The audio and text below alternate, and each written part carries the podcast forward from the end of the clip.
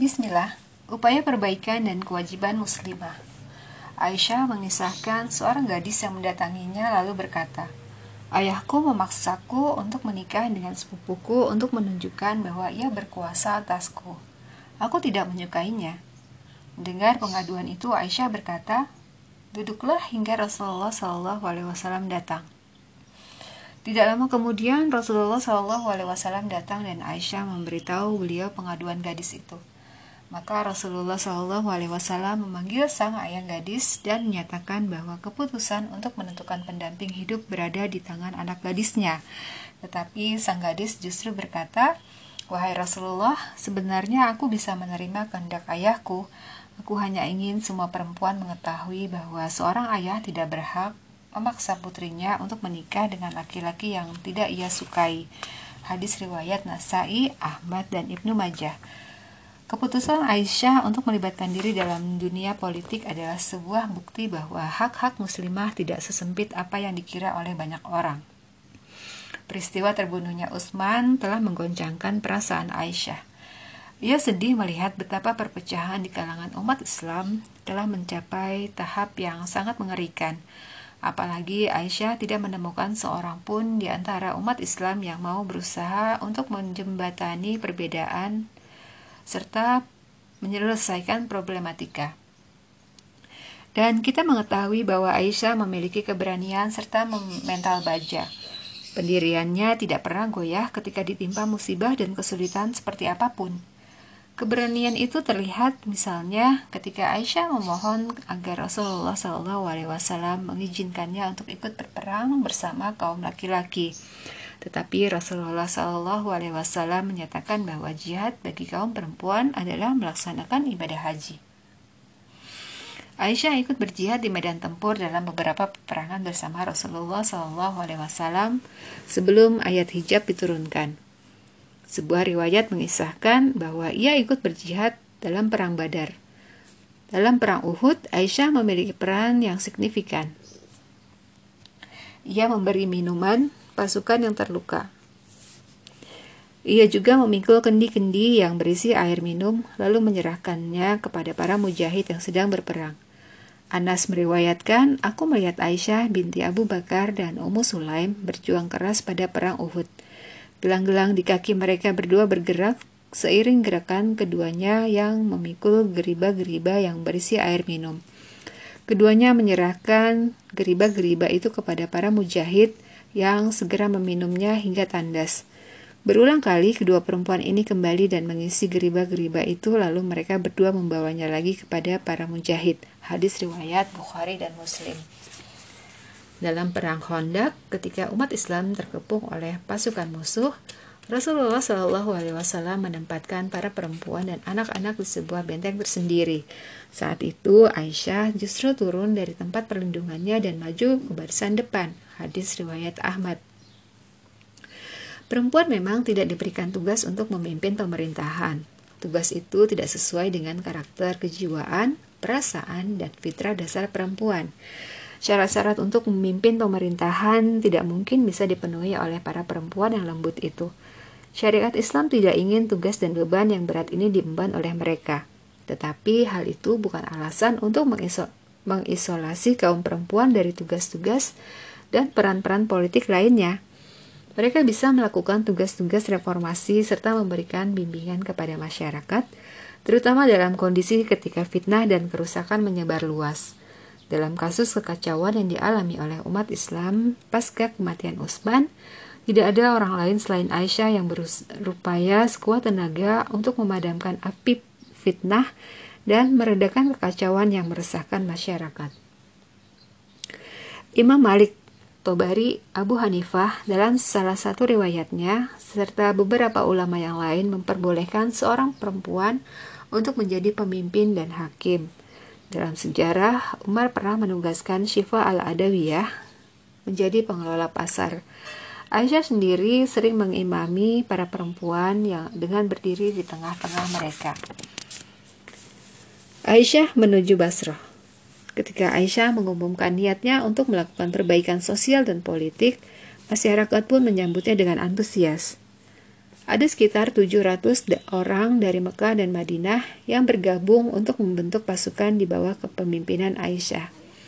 Ibnu Amir dan Ibnu Umayyah, dua orang Arab yang sangat kaya, menyumbangkan ratusan ribu dirham berikut ratusan binatang tunggangan.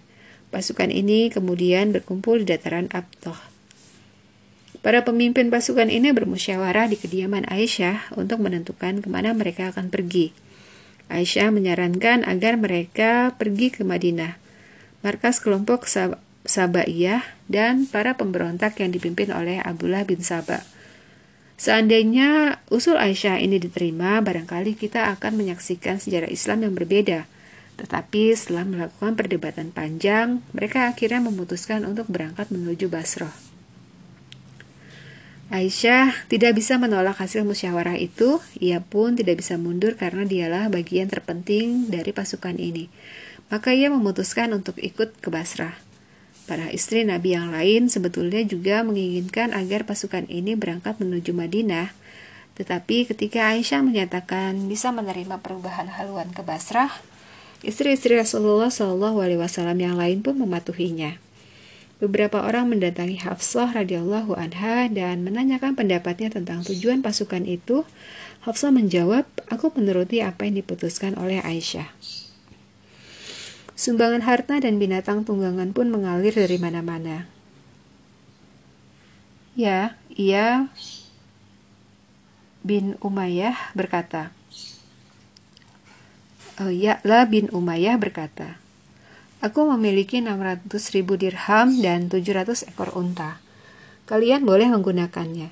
Begitu pula Ibnu Amir, ia menyumbangkan sebagian harta yang dimilikinya. Pengumuman disebarluaskan, mobilisasi dilakukan, orang-orang diseru. Aisyah, Ummul Mukminin, Talha, dan Zubair hendak berangkat menuju Basrah. Siapa pun yang ingin membela Islam, memerangi para pengacau, dan menuntut balas atas kematian Utsman, maka hendaklah ia ikut serta dalam barisan ini. Jika ia tidak memiliki bekal dan perlengkapan, semua itu akan disediakan untuknya. Bersiap-siaplah, ambil tunggangan kalian dan mari kita berangkat. Sekitar 700 orang dari Mekah dan Madinah bertolak menuju Basrah. Di tengah perjalanan, banyak orang lain yang ikut bergabung, sehingga jumlah mereka mencapai 3.000 personel. Para istri Nabi juga turut serta. Mereka menuju Zatu Irk dan mengucapkan selamat tinggal kepada tempat yang bersejarah dan memiliki nilai religius itu. Mereka tak kuasa membendung air mata mereka. Umat Islam belum pernah menangisi Islam melebihi tangisan mereka pada hari itu. Di sisi lain, para pemuda Bani Umayyah merasa bahwa inilah kesempatan terbaik bagi mereka untuk memicu fitnah dan kekacauan. Sebelum ini mereka terusir dari Madinah dan terpaksa lari menyelamatkan diri ke Mekah. Ketika mereka mendengar bahwa Aisyah membentuk pasukan untuk menuntut balas atas kematian Utsman, mereka pun segera bergabung. Banyak orang lain bergabung karena mereka mendengar bahwa Aisyah sendirilah yang akan memimpin pasukan. Maka ketika sampai di tempat perhentian pertama untuk beristirahat, jumlah pasukan ini telah mencapai 3.000 orang. Sebagian anggota Bani Umayyah tidak benar-benar berniat untuk mengusut siapa pembunuh Utsman dan melakukan upaya rekonsiliasi. Mereka hanya ingin semakin mempersulit Ali bin Abu Thalib ketika mereka mengendus munculnya sebuah kekuatan politik ketiga di bawah kepemimpinan Aisyah. Mereka merasa bahwa pasukan ini bisa mereka jadikan sebagai sekutu. Maka tidak mengherankan jika orang-orang ini berusaha memecah belah pasukan dengan menyebarkan desas-desus. Hal itu karena ia karena di antara pemimpin-pemimpin pasukan ini ada beberapa orang yang layak dicalonkan sebagai khalifah. Maka sebagian orang anggota Bani Umayyah mulai menyebarkan pertanyaan. Siapa yang akan menjadi calon khalifah dari pasukan ini? Talqah ataukah Zubair? Tapi siasat adu domba ini mampu dimentahkan oleh Aisyah. Lalu mereka mengajukan pertanyaan tentang siapa yang paling berhak untuk mengimami sholat di antara pasukan anggota ini. Aisyah kembali mementahkan siasat tersebut dengan menyuruh putra-putra Tolha dan Zubair untuk mengimami sholat secara bergantian. Kisah air Hau'ab dan niat Aisyah untuk pulang. Ketika pasukan ini tiba di penampungan air milik Bani Amir, mereka melintasi sumber air Hau'ab. Tiba-tiba terdengar anjing menyalak. Aisyah segera bertanya, air apa ini? Orang-orang menjawab, air Hau'ab. Mendengar jawaban itu, Aisyah tiba-tiba berteriak, Aku harus pulang. Rasulullah Wasallam bersabda, anjing-anjing hauab akan menyala kepada salah seorang di antara kalian. Hadis riwayat Ahmad, Tabrani, Ibnu Hibban, dan Ibnu Saibah. Orang-orang membujuk Aisyah agar ia mengurungkan niatnya. Mereka kemudian memutuskan untuk bermalam di tempat itu. Keesokan harinya, 50 penduduk desa setempat didatangkan untuk bersaksi bahwa air yang dilewati oleh pasukan Aisyah bukanlah air Hau'ab. Maka Aisyah pun menjadi tenang kembali. Ali bin Abu Thalib mendengar kabar tentang pasukan yang dipimpin oleh Aisyah, Tohah, dan Zubair ini, maka Ali menugaskan Tamam bin Abbas untuk menjadi gubernur Madinah dan mengutus Kats bin Abbas menuju Mekah. Ali sendiri keluar hendak mencegat pasukan Aisyah di tengah jalan. Sejumlah pasukan yang berasal dari Kufah dan Basrah menemani Ali. Kabar tentang keberangkatan Ali ini terdengar oleh pasukan Aisyah. Ibnu Jubair mendatangi Aisyah dan berseru, Selamatkanlah diri kalian, demi Allah, Ali bin Abi Thalib sedang mengejar kalian. Berangkatlah. Begitulah kisah yang diriwayatkan oleh Tobari dan beberapa sejarawan lainnya. Adapun Imam Ahmad meriwayatkan kisah ini melalui penuturan Aisyah sendiri. Dalam riwayat itu dikisahkan bahwa Aisyah tiba di Hawab dan mendengar anjing menyala. Maka ia berkata, "Aku harus pulang." Rasulullah Shallallahu Alaihi Wasallam pernah berkata kepada kami, "Anjing-anjing Auhab Hawab akan menyala kepada salah seorang di antara kalian." Hadis riwayat Ahmad.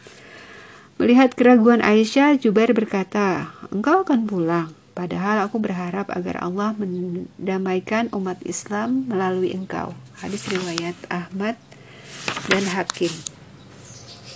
Dalam riwayat lain dikisahkan bahwa sebagian anggota pasukan berkata kepada Aisyah, Engkau harus terus maju dan tidak boleh pulang. Ketika kaum muslimin melihatmu, maka Allah akan mendamaikan mereka. Hadis riwayat Ahmad. Riwayat-riwayat di atas adalah bukti terbaik yang menunjukkan bahwa tujuan terpenting dari perjalanan Aisyah ini tidak lain adalah untuk mendamaikan umat Islam.